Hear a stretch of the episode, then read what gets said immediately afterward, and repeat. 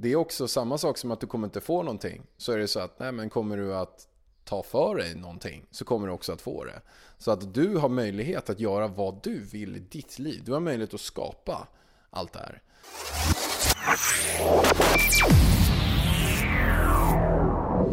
Kära gäster, varmt välkomna till Life at Sign.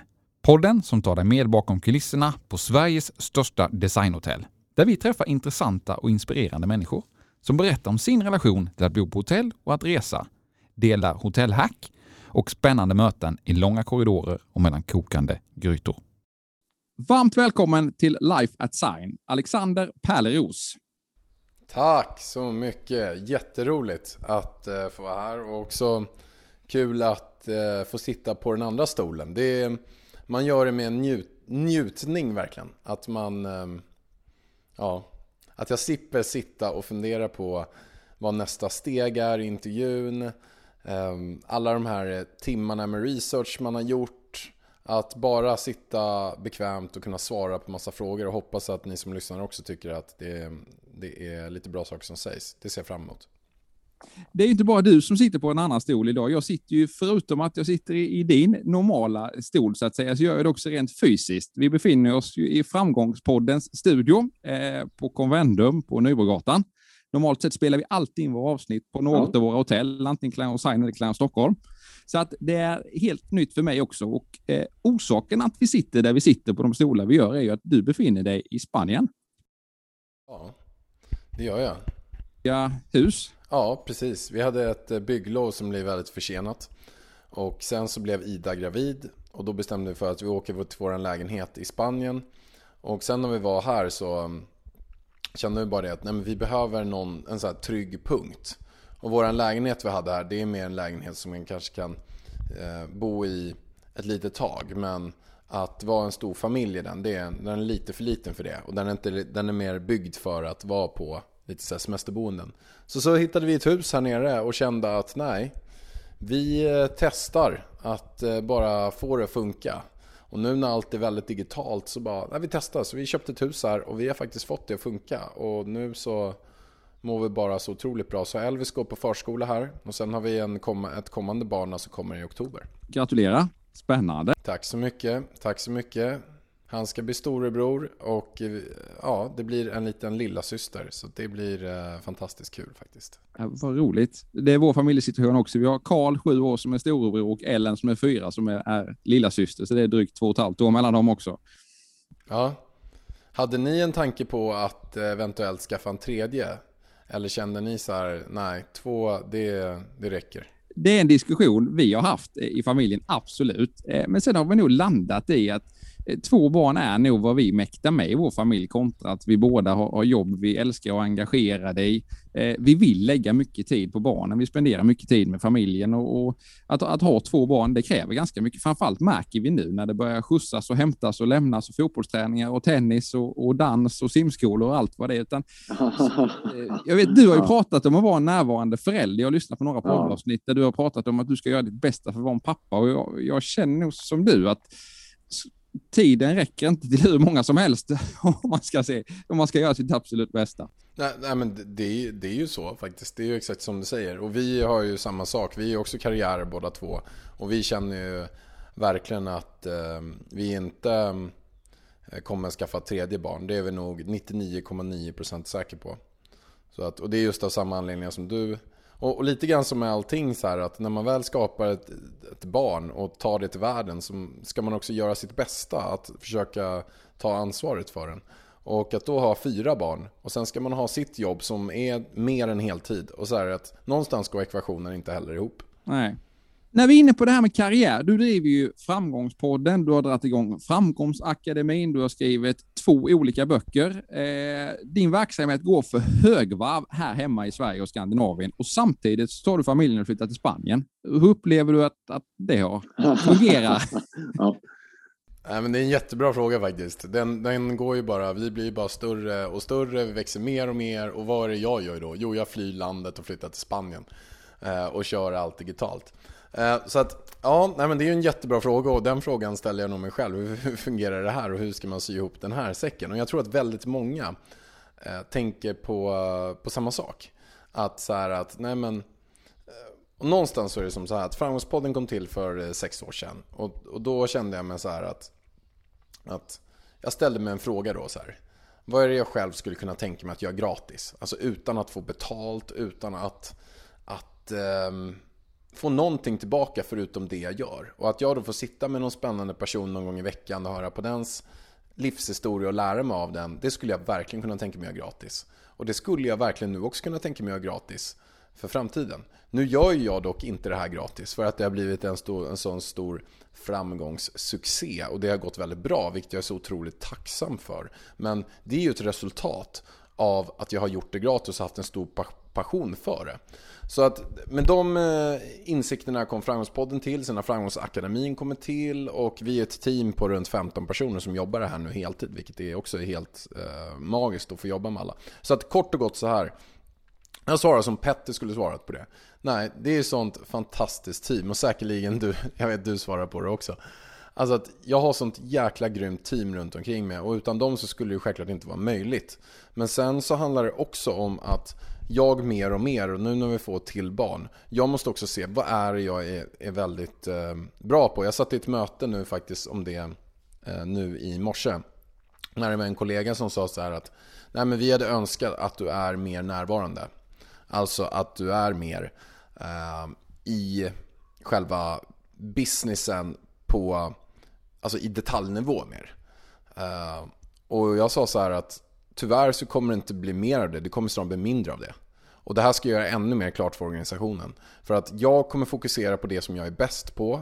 Jag kommer fokusera på att dra in business. För det är ju alltid jobbat som säljare under alla mina år. Och är det någonting som jag är duktig på, det är att öppna dörrar, Eh, ge förtroende, hitta det som är bra för kunderna och generera bra samarbeten och affärer. Det, och någonstans är det det som jag ska fokusera på. Eh, och, och, också, det är någonting som har kommit med ju äldre man blir och ju mer erfarenhet man får. Att det går inte ihop. Jag pratade med Johannes Hansen som är en av Sveriges främsta mentala rådgivare och tar 25 000 spänn i timmen för varje rådgivningstimme. Och sen satt jag med honom en timme, det fick jag dock gratis för att han har varit med i podden. Men då sa jag en fråga till honom som eh, de flesta ställer. Och då sa jag så här, du Johannes, jag får fan inte min tid att gå ihop. Han bara, ska jag säga vad svaret är på det? Nej, det får du inte. Vad svaret på det? Så, och tiden går inte ihop. Du har ett heltidsjobb, du har två barn, du har allt det här som ska göras och sen så har du styrelseuppdrag och sen ska du hänga med det och du ska göra det. Hur många procent är det per timme? Per, per dygn? Nej, du måste skala ner. Det är liksom så det är. Det går inte att få ihop det. Jag kan inte sitta här och ta, som Johannes då, sitta och ta 25 000 spänn timmen och komma med en jävla magisk formel till dig. Som, som gör att du kan... Det är så här, nej, det du behöver göra det är en sak som han sa till mig. Du måste skaffa dig, första gången jag pratade med honom för typ fyra år sedan, du måste skaffa en assistent. Så att, du, så att det du lägger tid på är det viktiga. Att om du lägger tid, du ska inte sitta och läsa igenom 100 mail per dag. Det kanske du har någon annan som hjälper dig med och skicka de mejlen som är viktigast. Uh, och, och, där handlar det om att effektivisera tiden. Och jag har tagit med mig det där väldigt mycket. Eh, så att, eh, och jag var livrädd för det från början, att skala upp businessen. När jag själv jobbade med det. Och se kostnader varje månad. Och, och tänkte inte på att nej, men om jag lägger de här timmarna på det här istället så kommer det också generera mig intäkter och jag kommer dra in den här kostnaden ganska snabbt. Så att och det vet jag att, att ni också jobbar väldigt mycket med. Det handlar om att kolla på vad, som är, vad man gör bäst, göra mer av det och, för att också kunna skala. Och det där är ju tufft för företagare. En kompis till mig, han driver en brandingenjörsfirma i Kalmar. Eh, och jag vet för många, många år sedan så sa han till mig, ganska ny med firman, han hade startat upp. Så han lämnade sin bil på tvätt eh, för typ, om det nu var 500 kronor i veckan till någon som tvättade den.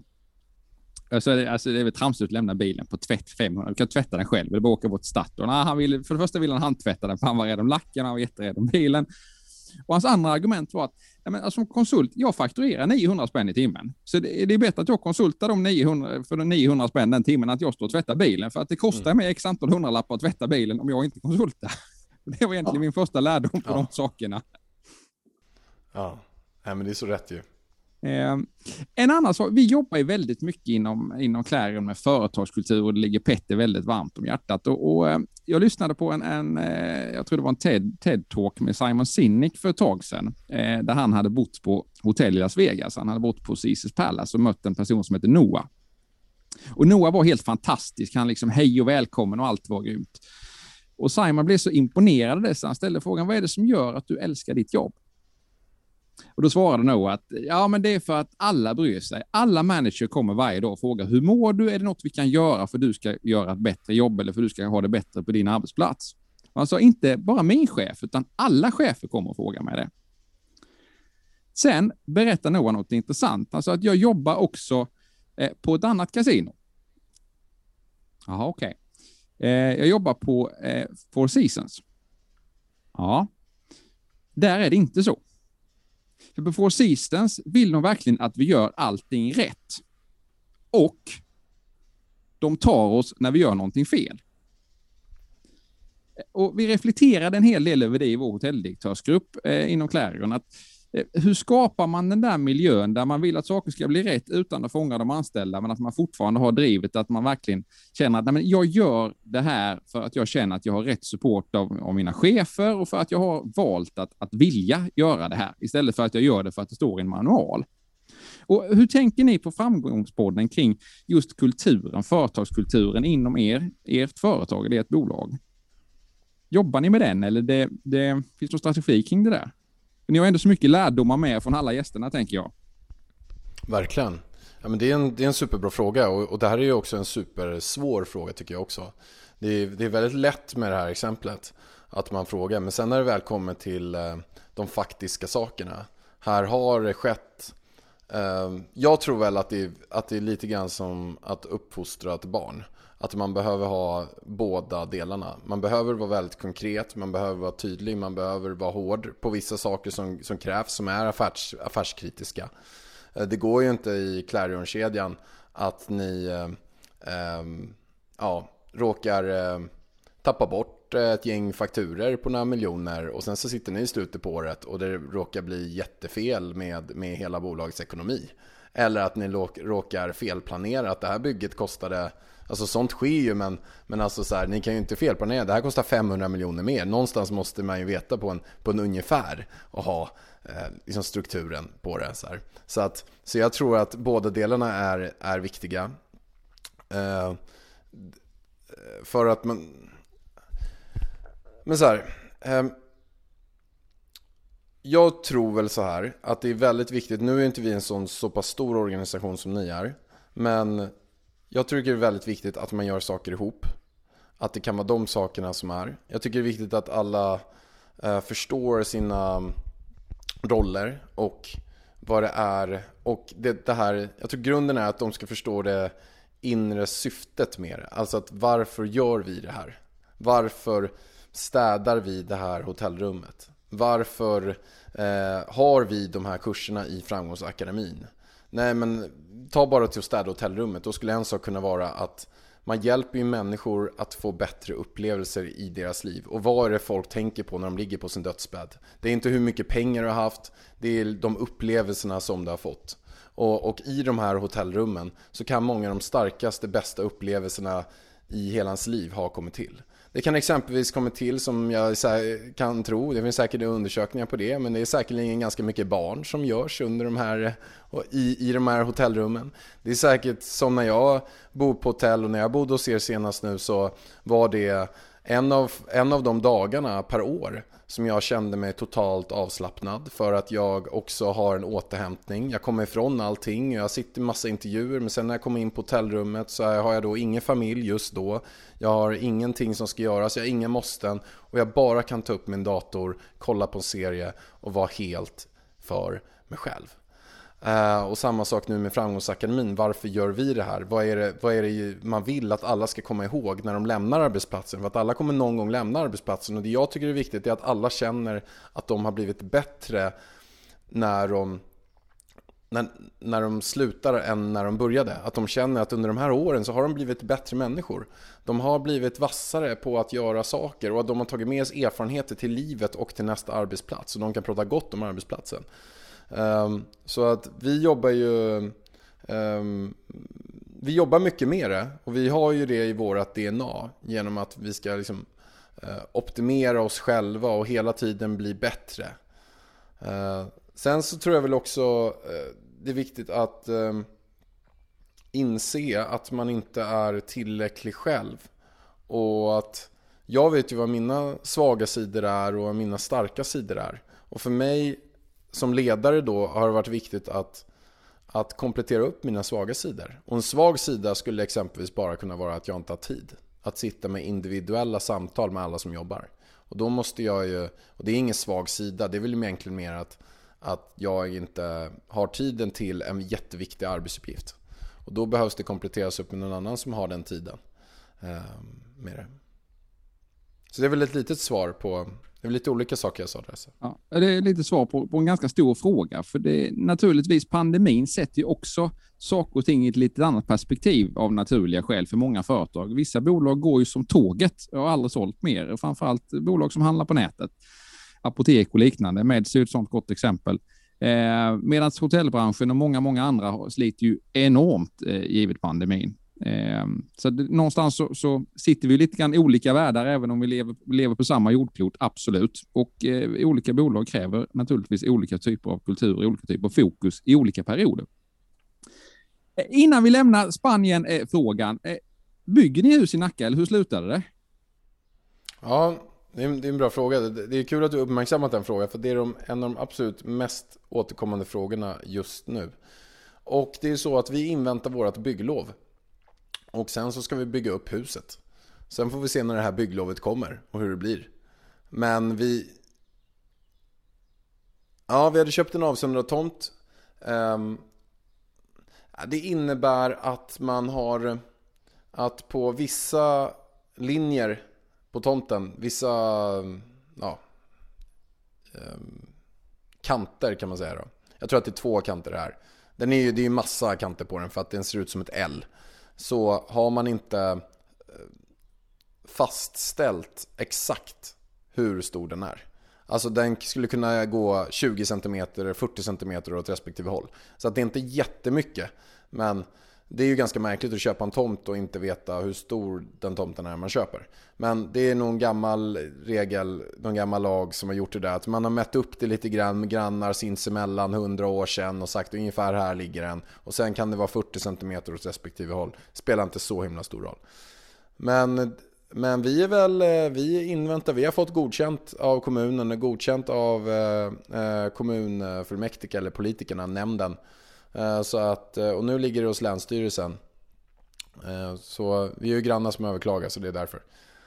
Um, så att, så att, men det ser ju ljust ut, det ser ju bra ut. Alltså vi får godkänt överallt. Vi går inte från detaljplanen någonting. Så att vi inväntar bara och sen så ska vi bygga huset. Innebär det att ni flyttar tillbaka till Sverige?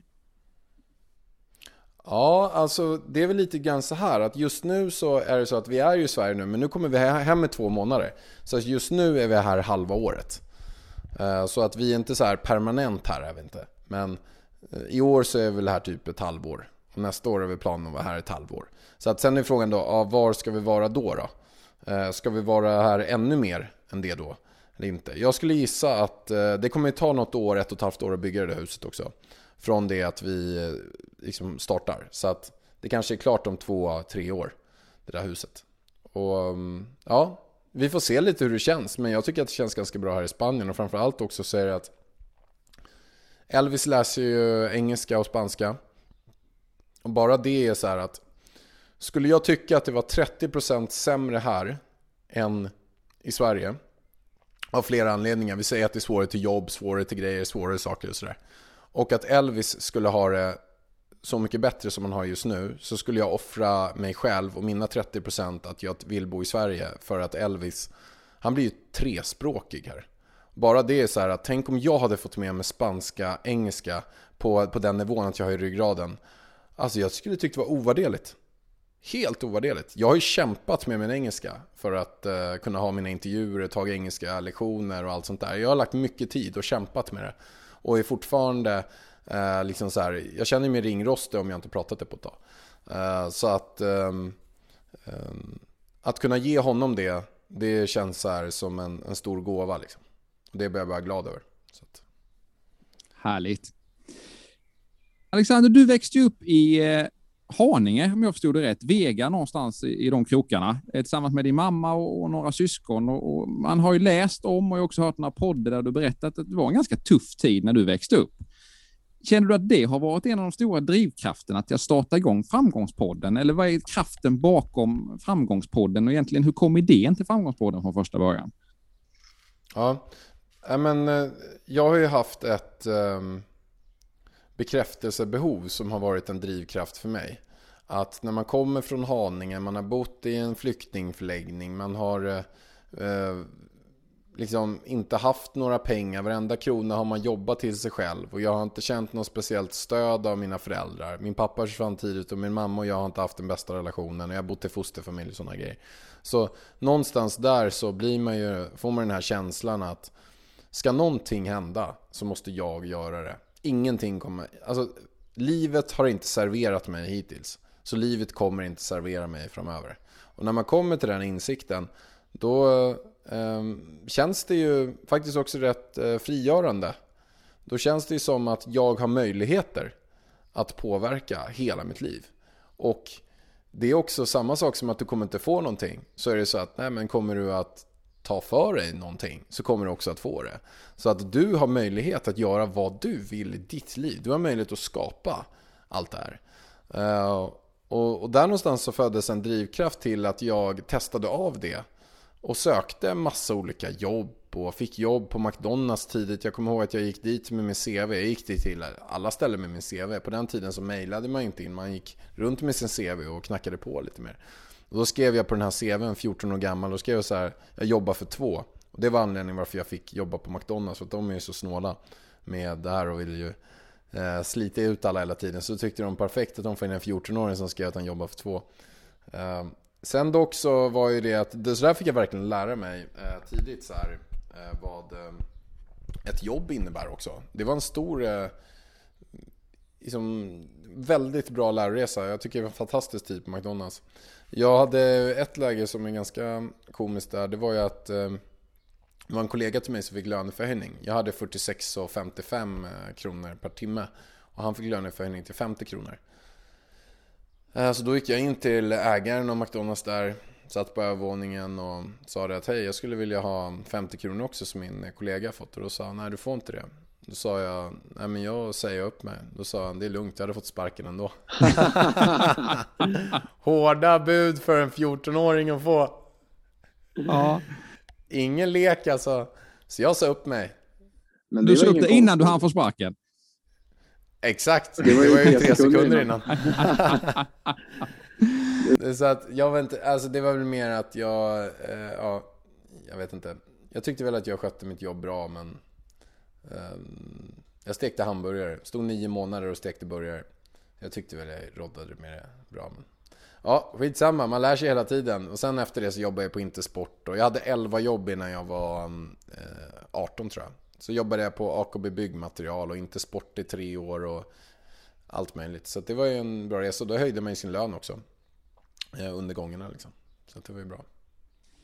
Något jag noterat med dig är att du är väldigt ödmjuk. Du har en väldigt stor respekt för, för andra människor. Eh, jag vet att det var någon intervju, jag tror det var Värvet, när man pratade om vissa saker om din mamma, som du sa att Nej, men jag kan berätta det, men inte det här respekt för, för mamma. Eh, och även i andra situationer så märker man att du, du har en väldigt ödmjuk sida för det här med framgång. För det är klart att när man har haft en tuff uppväxten och kämpat sig fram och egentligen skapat allt med egna händer, för att använda ett slitet uttryck, så kan man ibland uppleva att de människorna har ett driv liksom att gå över lik för vissa saker. Är det någon värdering du har byggt eller skapat för dig själv, eller är det något som kommer hemifrån, den här ödmjukheten och respekten, trots din enorma framgång? Ja, bra fråga. Um, nej, men jag har ju en respekt för, um, för liksom resan. Och någonstans så har ju den ändrats under gången också. Alltså jag har ju haft, för mig var det väldigt viktigt och det har ju varit som jag säger en, en stark drivkraft för mig att, att få bekräftelse. Och det var ju nog av avsaknad av bekräftelse som jag då har, och, och den här, den här eh, otryggheten eh, i mig själv, den här grundotryggheten på ett sätt av kanske avsaknad av kärlek som jag har då sökt sen. Sen så har jag alltid haft ett superstarkt självförtroende. Och jag har trott på mig själv genom hela vägen. Jag har trott att jag skulle kunna ta över världen om jag bestämmer mig för att ta över världen. Så att jag har ju inte haft... Och jag, har varit så här självsäker och förstått att det är hårt jobb bakom allt. Det är ingenting kommer komma gratis. Jag har jobbat hårt väldigt, väldigt tidigt.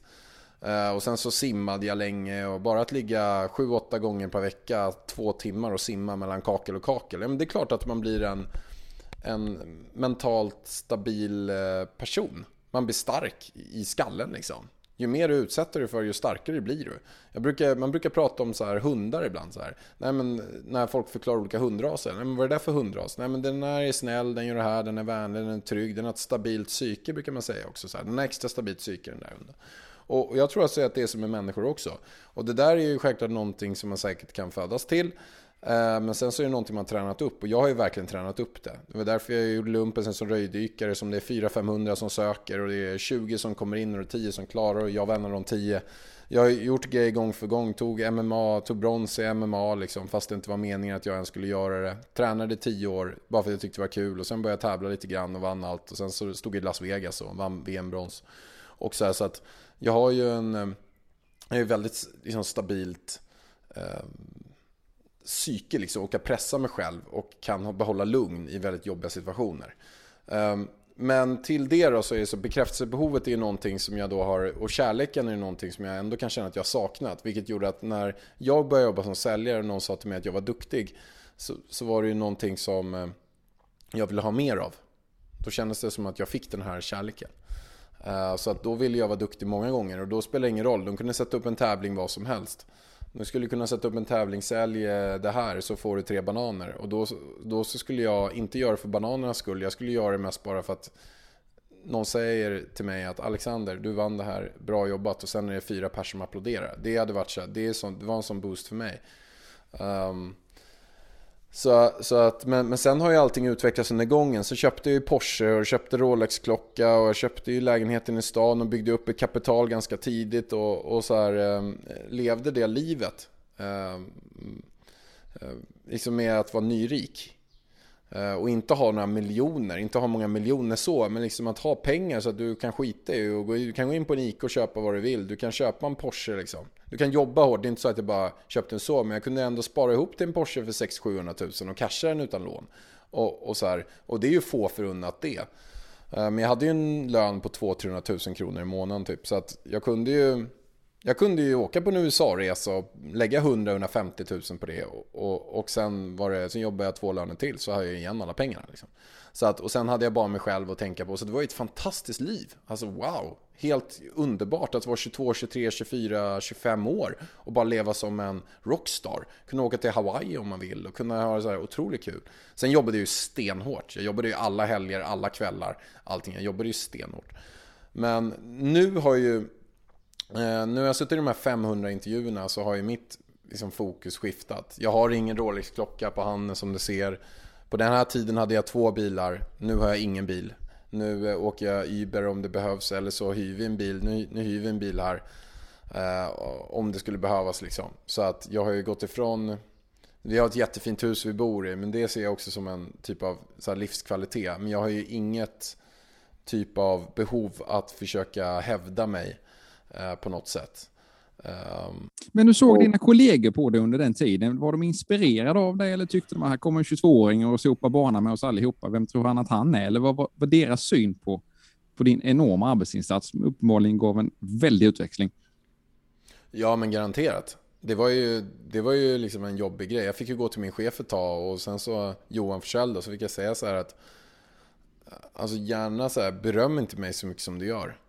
För att jag tycker det känns jobbigt. För jag vet att i säljbranschen så är det väldigt så också att tyvärr är alla e- sina egna företag.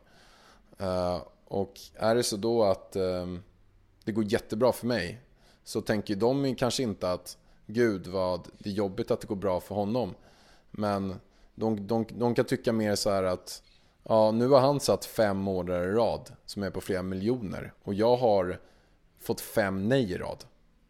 Och, och det är därför också man brukar prata om det här med säljtävlingar. Det finns ju olika teorier kring det där, men att säljtävlingar för en organisation inte är bra. Där man har liksom en vinnare. eller två, då kommer ett, två, tre, de kommer kämpa och drivas av det. Men sen så att de andra 70, de kommer inte ens vara motiverade av till och med kanske få negativ påverkan. Och då blir slutgrejen att det till och med en celltävling kan ha sänkt organisationen än höjt den. Jag vet inte om det där, eh, vad som är, men det finns ju vissa sådana teorier. Eh, men, eh, nej, men det, var väl lite, det var väl lite så, men jag tror att i slutändan så tyckte folk lite grann så här, framgång föder framgång. Så som att Petter bad sin personal på köpcentrum att parkera på framsidan istället för på baksidan.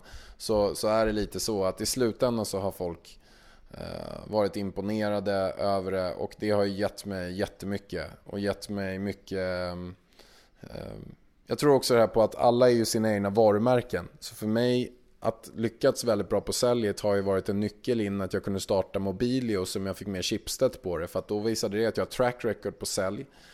Då fick jag in de som investerar i Mobilio och sen det ena föder det andra hela tiden och det blir spin-off effekter på det så att framgångsrika vill ju umgås med framgångsrika och eh, ja, Likaså, om man kollar på folk som dricker läsk varje dag så brukar de ofta, ofta umgås med folk som dricker jättemycket läsk varje dag också. De som inte tränar umgås med folk som tränar. Därför ska man ju, om man vill ändra sig själv ska man ju ta rygg på andra. Är det så att du inte tränar men börja träna, börja häng med folk som tränar. Ibland är det inte svårare än så, då kommer du inspireras av det.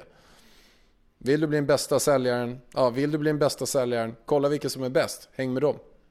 Mobilio kom vi in på. Du satsade lite egna pengar. Schibsted kom med. Det, jag uppfattade att Mobilio var en av dina motgångar. Det startade bra, men, men sen fejdade det ut och, och lades ner. Eller vad hände med Mobilio? Ja, verkligen. Och det tog mig också några år att eh, inse, eller kanske tog eh, två år efter, att, att erkänna det för mig själv. Att det var ett projekt som var ett, eh, ett i folkmun misslyckat projekt. Dock så eh, tycker ju inte jag att det är misslyckat utan det var ju extrema lärdomar.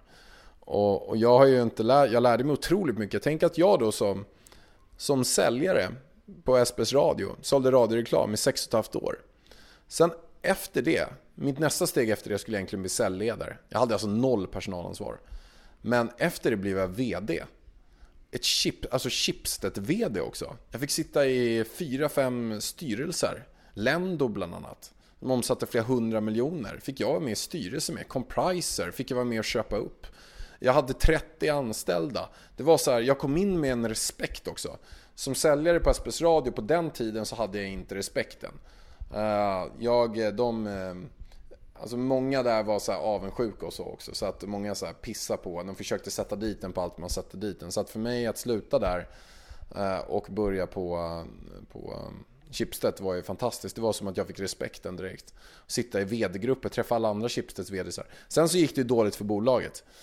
Jag jobbade ju lika hårt som jag alltid gör. Så att jag kände att är det någonting jag måste göra är ju att, är att dra mitt strå i stacken till där. Och jobba stenhårt. Bara för att men eh, företagsidén var inte tillräckligt bra. Vi gjorde en, det är en miss. Eh, och det var ju väl egentligen företagsidén i sig då. Men eh, det var ju att vi skulle jämföra mobilabonnemang på nätet. Och sen kunde man köpa dem och beställa billigare alternativ så att man kan göra den bästa dealen. Eh, och när vi eh, hade den här idén, eller när jag hade den här idén, då fanns det ju minuter och sånt. Då kollade jag på vad kostar det 5,50 per minut, 3 kronor per minut, 2 kronor på helger och allt sånt där. När vi lanserade då införde alla operatörer fast pris. Så då fanns det inte så mycket att jämföra längre. Men vi försökte ju knega på. Uh, och, men sen är det som så här då, vad allt leder till. Och det här tycker jag är så himla viktigt. Att man måste förstå att, att det här med Mobilio, det är ju nu efter det är ju min mest framgångsrika resa någonsin. Alltså det är ju mitt på personligt plan, karriärmässigt plan, bästa någonsin det var ju då jag lärde känna, fick ett jättekontaktnät. Från att vara säljaren så blev jag VD. Så fick jag testa mig själv, jag fick sitta i styrelser, jag fick ha koll på budgetar. För jag fick så här, det var som att någon bara investerade. Nu investerar vi 30 miljoner kronor i Alexander Pärleros bara. Han ska bara bli så jävla vass på allt. Och vi ska ge honom respekten, han ska få testa på det här. Han ska få liksom få vara ännu högre upp än en trainee. Alltså, han har inte ens någon som kollar honom. Han ska vara liksom den som är eh, så jag fick ju en sån jäkla liksom, eh, MBA-skola. Och där träffade jag också Christian Jakobsson, Henrik Sigland och Helge, Helge också, eh, som vi startade Pensionera med. Ja, Chipstead det... med på pensionera också, eller det startade ni själva separat? Ja, vi startade det själva. Vi var nära att och, um, köpa upp ett pensionsbolag som jämförde pensioner. Och då så fick jag och Christian det uppdraget att kan ni kolla om vi kan hitta något pensionsbolag vi kan köpa upp? Då kollade vi, vi hittade inget pensionsbolag att köpa upp. Och då så genom att Christian skulle sluta där, eh, han var också VD för tre bolag där. Och sen så eh, skulle jag också sluta där. Eh, genom att jag sålde mina resterande aktier. Men det var ju typ som att jag gav bort dem för en krona liksom. Det var ju lite mer än en krona, liksom. kanske var en miljon eller något. Men det var ju mm, ja, inte mycket jämfört med vad våra förhoppningar var. Eh, förhoppningarna var ju att jag skulle göra en exit där och få 50 miljoner. Liksom där någonstans. Och sen så fick jag lite löner och, och lite så mest. Men, um, men en fin, fin lärarresa. Men då i alla fall så istället så uh, tänkte vi att vi startar upp det själva. Vi startade upp det, hade fyra väldigt tuffa år. Men eh, nu är vi inne på år sex. Och alltså fyra tuffa år med tanke, då backar vi 5 miljoner, 5-6 miljoner per år och omsätter typ 3 miljoner. Eh, men i år så omsätter vi kanske 150 miljoner och vinsta kanske 60 miljoner. Så engagerad är du i pensionera idag? Nej, ingenting. Um, får jag säga. Uh, de, men där är också så här, det är ett jättebra team. De är typ 60 anställda där och är ett jättebra team. Jag är inte med i styrelsen där heller faktiskt. Jag skulle kliva in på stora saker där. Um, men annars är det så att min tid går till Framgångspodden, Framgångsakademin, och sen familjen eh, och allt som hör till det. Träning och, och sånt. Så jag, jag har inte tid. Rent kronologiskt så kommer Framgångspodden någon gång i tid här nu efter pensionera. Vad var den ursprungliga idén eller förebilden till att dra igång Framgångspodden? Ja, men det var för att jag ville bygga ett starkare kontaktnät. Eh, och att... Eh, ja, men det är en rätt rolig story faktiskt. Jag, eh, som jag inte berättar, ehm, jag har nästan glömt bort det, men jag brukar inte berätta den. Så det här, är lite, lite, det här blir lite unikt för, eh, för den här podden. Men jag ehm, har ju alltid varit på och så driftig. Så jag eh, mejlade Startup-podden, Mikael Zackrisson, som är en journalist där. Och frågade om jag fick vara med. Men ofta om man frågar saker, jag mejlade Nyhetsmorgon en gång förut och frågade i början av och frågade om jag fick vara med. Så varje gång man frågar om man får vara med på sådana här grejer så brukar man inte få vara med. Eh, men han svarade inte mig då.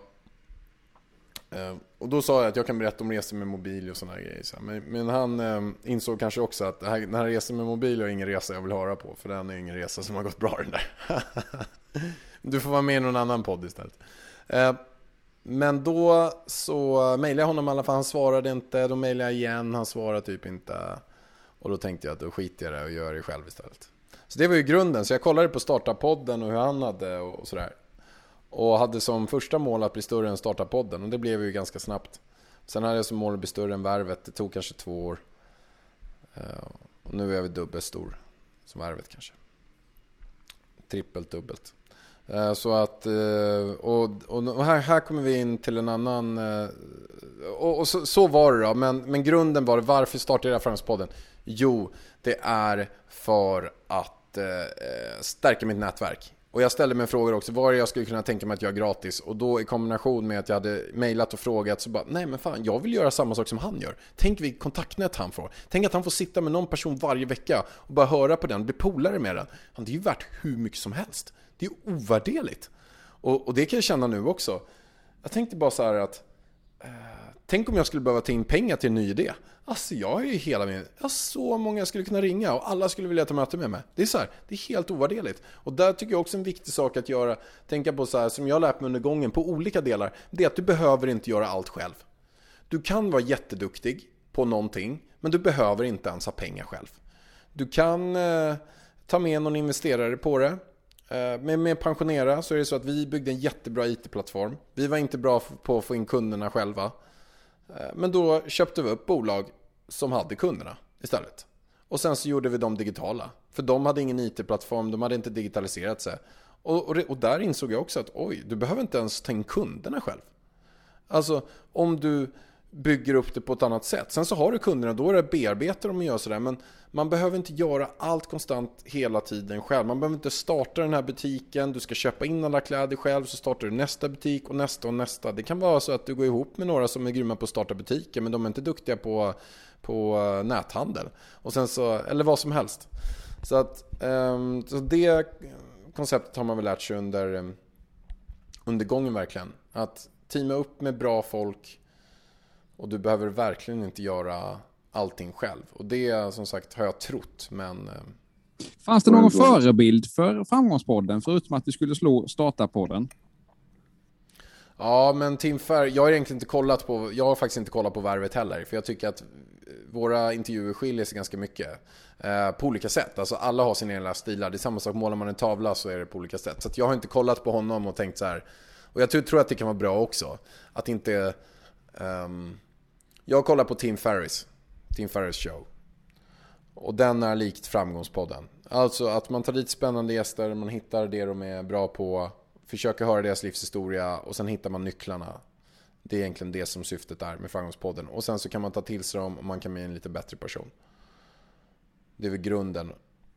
För just formatet är väldigt intressant och just din ditt hundrade avsnitt med Petter eh, är egentligen enkom grunden att jag började lyssna själv på Framgångspodden. Jag var ingen jättestor poddlyssnare tidigare. Jag lyssnar mycket på musik och, och eh, läser en del, men inte så mycket på podd. Eh, och det var faktiskt min chef Katalin, hon hade varit ute och sprungit och lyssnat på det avsnittet. Så sa hon till mig, Henrik, du måste lyssna på avsnittet med Petter och Alexander. Mm, kul. Och det är lite grann så att vi som jobbar eh, nära och runt Petter och har gjort det i många år, vi har hört de här storyn om jordgubbsförsäljaren i Påsröjd och, och, att vi ska sälja de eh, bär vi har och allt det där. Inte på ett negativt sätt, men det sitter lite grann i vår ryggrad.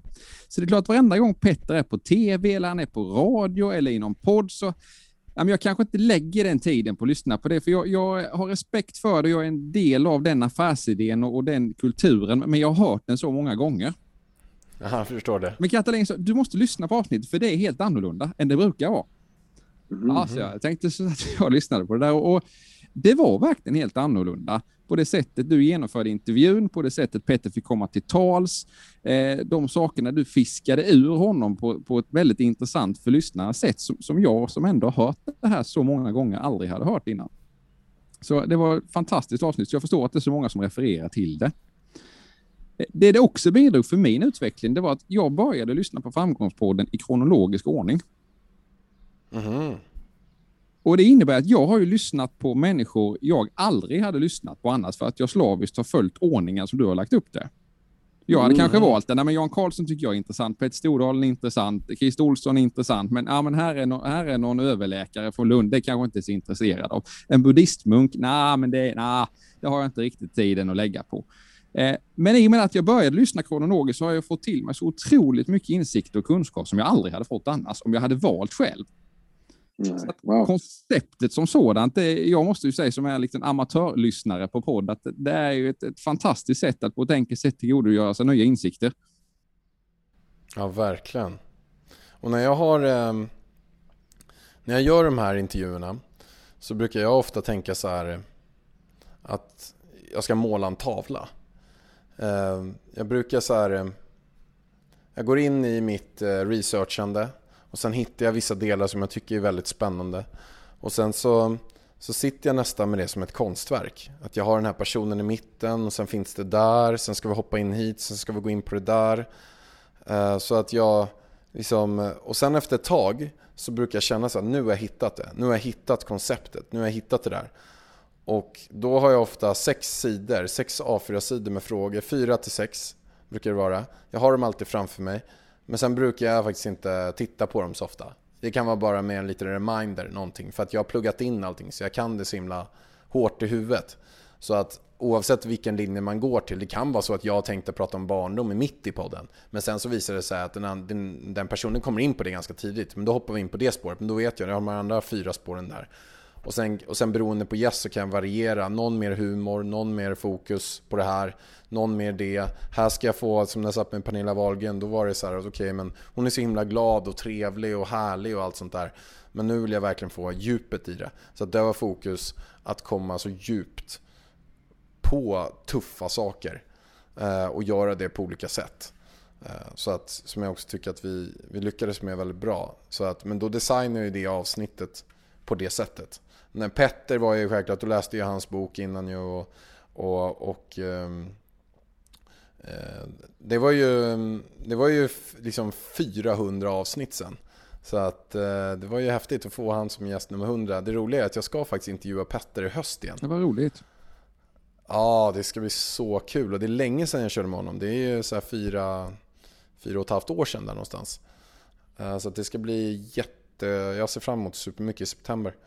Um, men det är ju det är, det är fantastiskt kul att kunna få sitta med sådana magiska människor och lära, lära mig av dem. Och då är det ju viktigt också att jag har gjort mitt jobb och få dem att känna sig bekväma.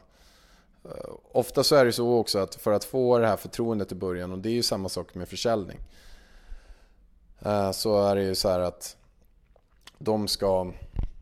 Jag måste ju, jag måste ju koppla någonting. Så att om jag sitter med Petter första gången så måste ju hans, ganska inom fem minuter måste han på ett eller annat sätt jag vill känna att han gillar mig på något sätt. Eller känna att vi har en gemensam koppling till någonting. Så att det försöker jag hitta på varje person ganska snabbt. Och, men när jag har köpt min research på typ 5-10 timmar så, så hittar jag ju det. Vad är det vi ska gå in på som vår gemensamma nämnare är.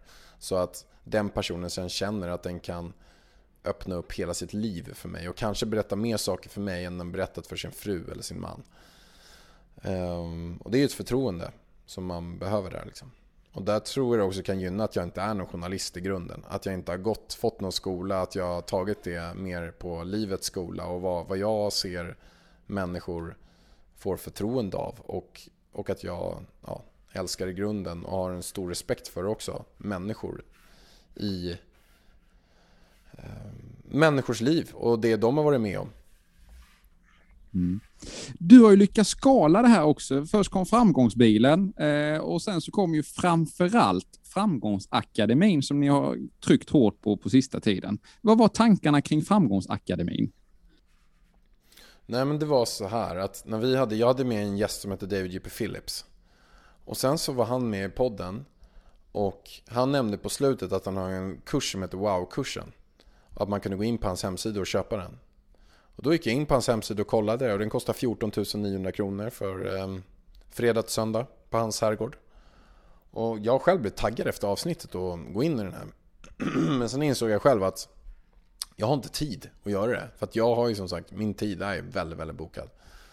Men eh då kände jag att den här måste mer få tillgång till. Än, och tänk att göra den här digitalt istället. Det är inte alla som har tid och det är inte alla som har råd. Och då kom tanken till det. För att det var 700 personer som gick in och köpte den här. Så de köp, köpte den alltså för ja, 700 gånger, eh, gånger 15. Eh, det är ju alltså runt eh, 6-7 miljoner kronor där någonstans. Som eh, det såldes för. Eh, på bara ett enda avsnitt som var så här, wow. Men då visar det också behovet av det. Att det är så många som vill eh, inom personlig utveckling komma vidare. Då kom tanken till Framgångsakademin här att tänk att vi tar ut de absolut bästa personerna, de främsta personerna som är störst skillnad. En Christer Olsson som fick in 2000 mail efter hans första avsnitt. Tänk att få, efter hans 40 år på scen, att han går ut med det i en kurs och tar med det absolut bästa. Alltså det är ju helt ovärderligt att de själva kreerar med hjälp av producent, med hjälp av redaktör och har liksom jätteduktiga filmmarking. Så där kom tanken till akademin. Och sen att man på, på ett sätt kan dela ut det här eh, billigt till organisationer, till eh, företag, till privatpersoner.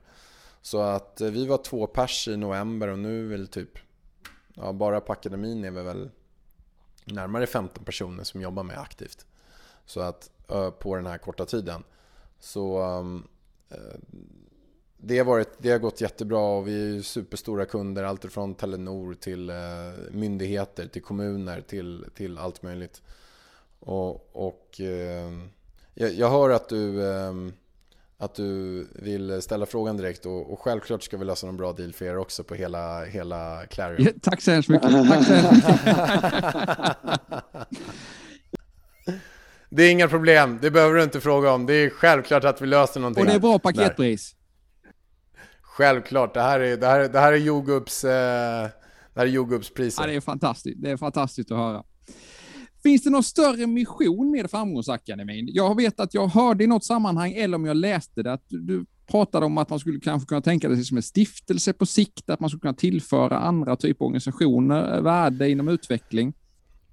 Nej men, nej, nej, men så här, om jag kollar på min eget, eget liv och vad jag har lärt mig av så här, så är det, det så här, alla saker som jag har lärt mig, det har inte varit i skolan. Jag har ingen högskoleutbildning. Jag har liksom lärt mig av mentorer, jag har lärt mig av de olika mästarna, jag har lärt mig av att sitta i framgångspodden, jag har lärt mig av att ta rygg på personer. Mikael Arndt var en sån person tidigt som jag tog rygg på när jag jobbade som säljare. Eh, då såg jag att han var jätteduktig och eh, utbildade många av de främsta i Sverige och då tänkte jag så att han borde jag ju också eh, få ta någon lunch med eller bara få lära mig av han. Så då tog jag lunch med honom och han hjälpte mig massor och han har bland annat en kurs i Framgångsakademin nu. Efter, jag har känt honom i 17 år nu och jag sökte upp honom som 20-åring. Så att ehm, eh, jag, alltså vi är inne på den nivån att vi nu pratar med svenska staten på olika typer av sätt. Eh, att hjälpa svenskt näringsliv och svenska skolan och komma in på, Eh, vi håller på bland annat och sätter upp ett stort samarbete med UN Business School. Eh, eh, där vi också kan komplettera med saker. Så att vi är inne på så väldigt stora grejer. Vi, vi kom ut med en kommun nu eh, nyligen till alla deras ungdomar som har utmaningar. Eh, så att eh, en större grej det är ju verkligen så här att, att alla de här personerna som inte jobbar som lärare, som kanske folk inspireras av absolut mest, att de delar med sig av den här kunskapen. Eh, och vi kommer ut med det till ungdomar, till folk som är runt 40 och kanske vill skola om sig själva, som inte vet vad de ska, till vilsna, till, till allt möjligt, till, till karriärister, till allting. Till folk, bara så här, att man sätter mål varje år. Att bara göra det och inte mål för, för organisationerna, mer personliga mål. Inte man alla får budgethöjningar och sådana grejer, det är inga konstigheter. Men att man har någonting som driver en i år. Så att man blir en lite bättre person. Eller går upp varje dag med ett leende istället för med en ångest. Alltså att det är så lite som krävs för att livet ska bli mycket bättre. Och, och, och, liksom, och det här är ju... Jag har ingen kurs i Framgångsakademin själv. Men vi har ju eh, fantastiska människor som har jobbat med sådana här grejer hela sina liv. Och det är klart att de ska få dela med sig av kunskapen och att man på första gången någonsin kan få ta del av det. Så att det finns, vi sitter och pratar med högskolor och, och eh, rullar ut det större. Vi kollar på att gå in i andra länder. Vi har ju stora tankar kring det. Men framförallt så är det här någonting också som jag tror kommer finnas om hundra år. Man kommer fortfarande, Kjell Enhager har satt ett så pass stort spår i så pass många, unga som gamla att att eh, man kommer vilja kolla på han om 20, 30, 40, 50 år också. Samma sak exempelvis Christer Olsson för Sveriges del. Han säger så pass bra saker som på sitt sätt som eh, är värdefullt för framtiden. Samma sak som Simon Sinek som jag också haft med i Framgångspodden eh, har gjort på en global liksom, front. Den röda tråden när du intervjuar i Framgångspodden har ju varit att du försöker hitta eller ta tillvara på lite nycklar. Eh, det här är nycklar till olika saker. Om du skulle dra några key learnings, du sa att du har inte själv någon, någon session i, i Framgångsakademin eller någon kurs, men om man skulle plocka fram tre nycklar som du känner genom alla de här nästan 500 avsnitten, eh, vad skulle det vara som sticker ut mest eller gjort mest avtryck på dig? Ehm, det är, det är ehm, flera saker. Men tro inte på allt du tänker. Det är ganska viktigt. Ofta ser man själv sin absolut värsta fiende. Man ehm, kan säga till sig själv att man är dålig, att man inte duger, att man inte kommer klara det. Att man är värdelös, att jag inte kommer få det där jobbet, jag kommer inte få den här relationen, jag kommer inte lyckas med det där jag gör. Så tro inte på allt du tänker. Vem är det som säger att det är sant? Den är en, en, liksom en viktig uh, key learning. Som jag lärde mig av Björn Attko Lindeblad. En annan är ju, som jag lärde mig ganska nyligen, av Jesus faktiskt. och jag får säga då varför jag garvar också, så här, jag är ju inte troende. Och Jesus, eh, om man tror på sägen så är han död sen att jag tar tillbaka eh, så, men jag lärde mig av Jesus faktiskt. Han lärde mig, han gav mig en gåva som jag kommer ta med, ta med mig eh, på riktigt. Och, och ehm, det var ju så att Jesus ehm, räddade en kvinna från att stenas. Och eh, då sa han att ehm, den som är fri från synd kastar första stenen. Och den har jag också tagit med mig.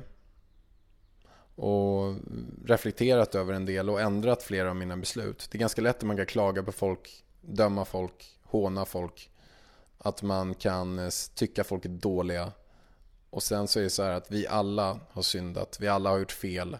Var lite schysst istället. Inse att vi alla är mänskliga också. Vi alla kan göra grejer. Och, och, om man går till den grejen så här att den som är fri från synd kastar första stenen.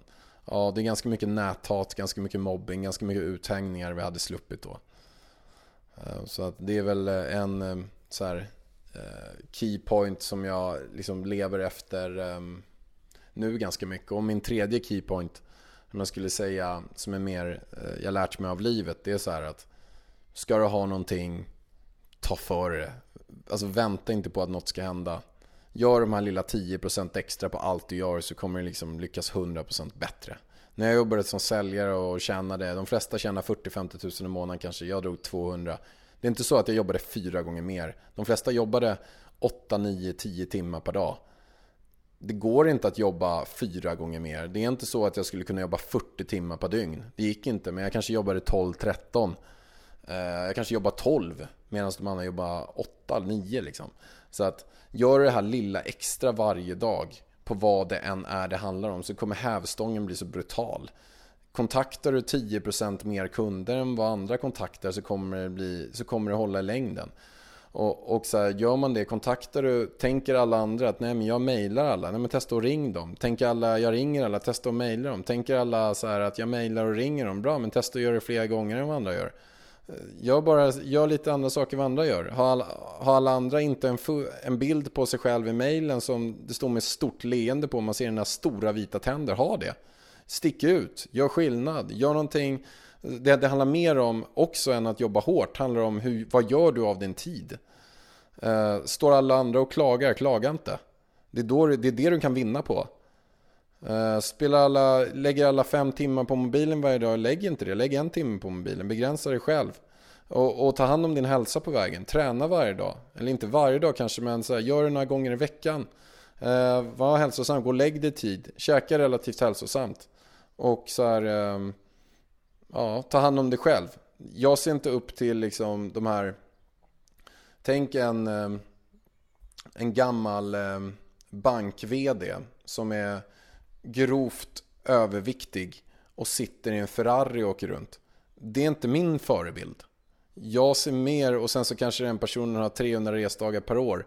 Så här, nej, det är inte min förebild. Så där vill inte jag vara. Jag vill vara hälsosam, jag vill försöka göra det jag kan för att leva så länge som möjligt. Så det är, ingen, sen är det ingen, ingenting jag, som säger att jag kommer göra det. Men jag vill i alla fall ge mig själv möjligheten till det. Jag vill ge mig möjligheten till att försöka vara en bra pappa.